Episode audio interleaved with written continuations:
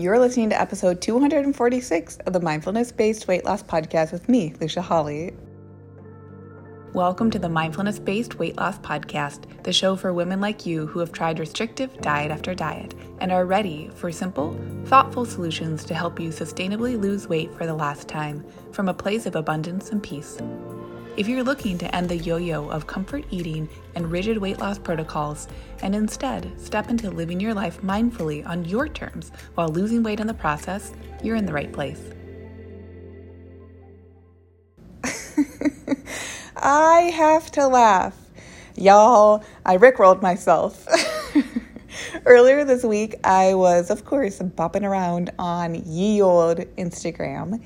And of course, being in health and wellness, I get a lot of uh, wellness supplement adjacent types of ads thrown at me. I'm very used to them.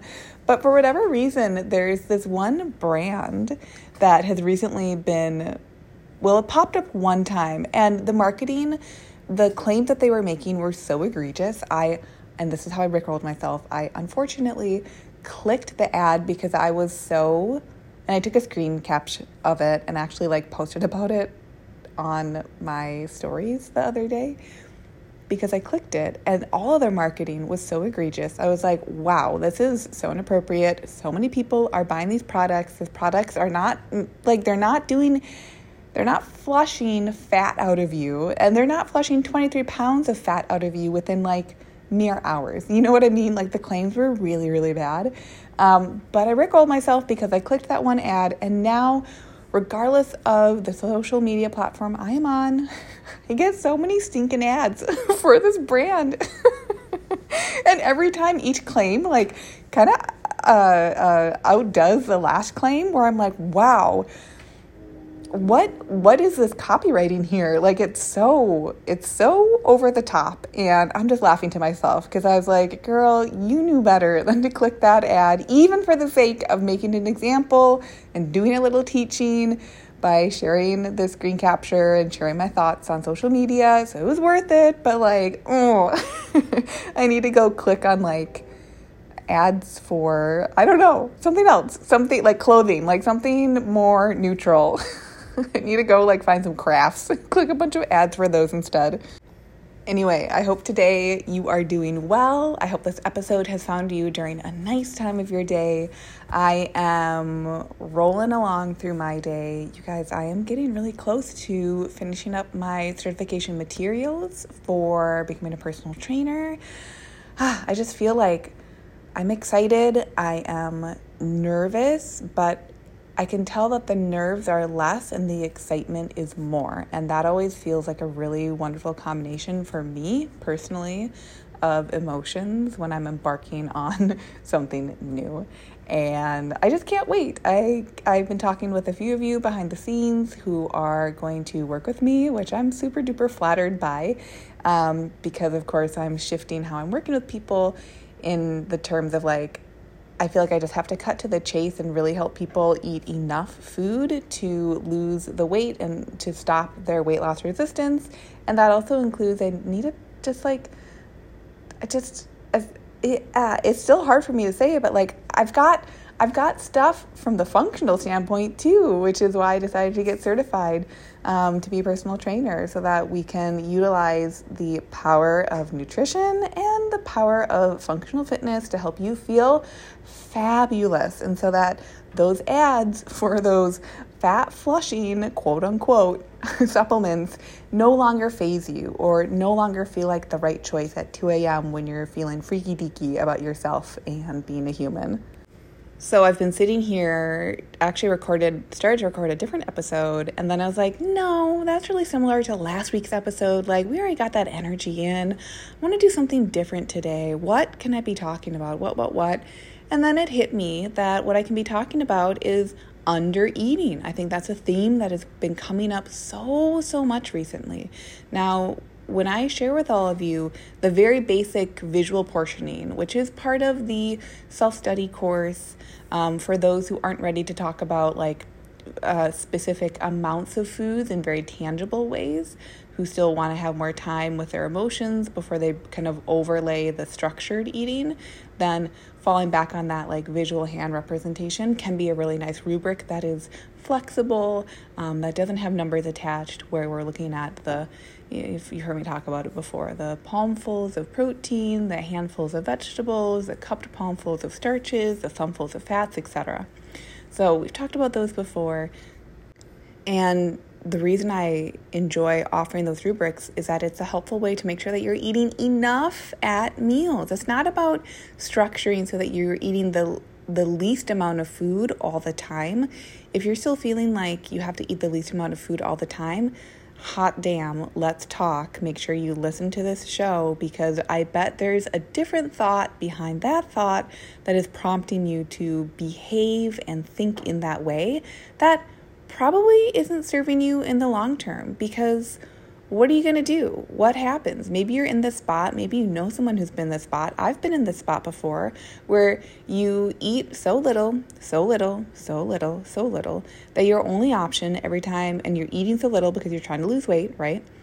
You're eating so little, you lose some weight, you plateau, feels like a plateau, you're not looking at other data or metrics, but for the sake of this conversation, you're eating so little, and then what do you do? You eat less.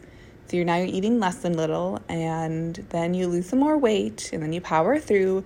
You're starting to feel fatigued, you're feeling tired, you're not feeling nourished. Maybe you're starting to eat more at night, or you eat really well during the weekdays, and then come the weekends, you eat more food, and then you feel bad and you feel out of sorts, you feel out of whack, you don't know what to do, so you go back to the diet on Monday and then you eat little, little, little, and then that kind of works until it doesn't, and you're stuck all, all of a sudden. You're stuck in the cycle of the yo yo diet, and you're like, WTF, all I can do is eat less, eat less, eat less. Well, oh my gosh, guess what? That's not actually the only thing you can do. If you are stuck right now in that yo yo diet, you feel like your metabolism is broken because as soon as you eat more food, you balloon up.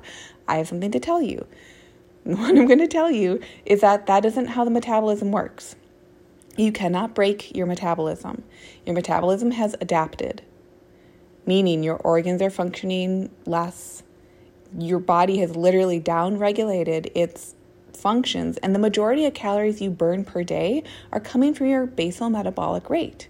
They're coming from the amount of calories you burn just hanging, just laying low. So you can't out exercise the like like so many people think, well, if I just do more cardio or if I work out more, take more workout classes, like I will equal out quote unquote the even if it's like a pitiful amount of food I'm eating every day, I will equal out that amount of food by exercise. No, your body really doesn't work that way. If you actually want to increase your BMR, you will need to eat more food.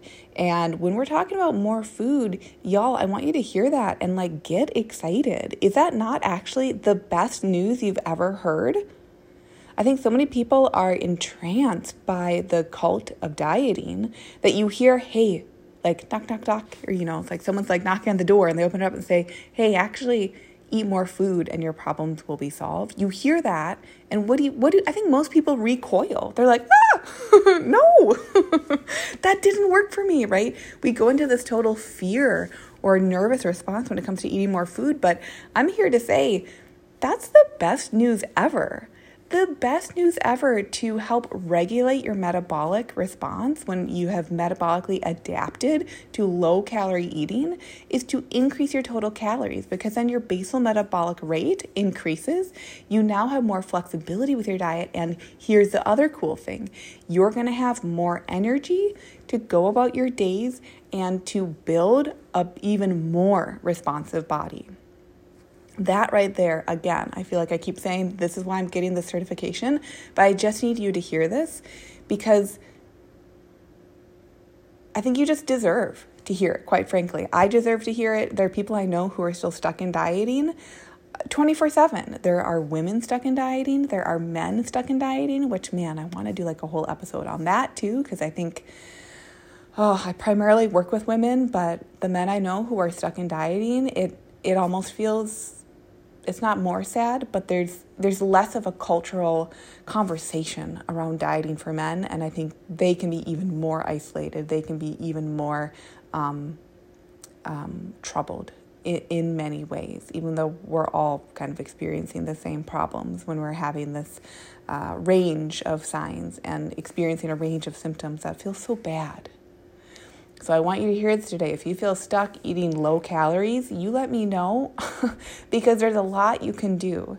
And when I say a lot you can do, I don't mean adding more to your to do list. I do mean likely really prioritizing eating those nourishing meals multiple times per day, probably changing things up by putting yourself first, not leaving yourself scraps, not leaving yourself crumbs energetically, emotionally, physically emotionally. Emotionally. you hear me there? when we're doing more for ourselves, I think we look at it from a very surface level. We're like, oh, doing more, well, I'm already exhausted. And our brain goes into that freak out mode. I think you just need to draw a line in the sand if that's resonating with you today and say, no, no more. I hear people who tell me that it can be so good and you have to you you do have to go out on a limb and trust that it can be so good for you. You can eat more food more consistently and be more nourished, have more energy and do more of what you love. That will replenish you more. And that is I'll just go out on another limb and say it that's a much better life lived than continuously running on fumes, trying to diet down and being exhausted, riding the blood sugar roller coaster 24 7, not having enough energy for the gym, not having enough energy to want to go see people, feeling bad about your body, not wanting to see people because you want to hide your body, because you have mean thoughts in your head that you think that they're putting on you, or you feel ashamed, or anything else that is honestly just nonsense. How do you think we change diet culture? It comes from changing it from the inside out. And that means really looking at a at a in a in a very clear way, which can be very hard when you're so undernourished. Why do you think diet culture has its grip on so many people? We're so literally, I'm going to swear here, okay? We're so literally fucking undernourished that we can't think straight. And I don't just mean total calories, but I mean like if you're subsisting on foods that aren't very nutrient dense either, or you never feel permission to eat foods that are more processed, you're probably not getting in a very good variety of vitamins and minerals and ratios of fats to carbs to protein. You have to eat enough food. And if that is going to be your work for 2023, I say fabulous. Now, if you hear me and you're like, Lucia, but I'm, you know, many, many, many pounds overweight, how could I be eating enough food? I also mean eating enough food intentionally because a lot of people, what they do is that they try to not eat, not eat, not eat, not eat, and that's where all their intention goes. And then what do you do? You get exhausted by the end of the day because you're running on fumes. Your body says, Feed me, boo boo.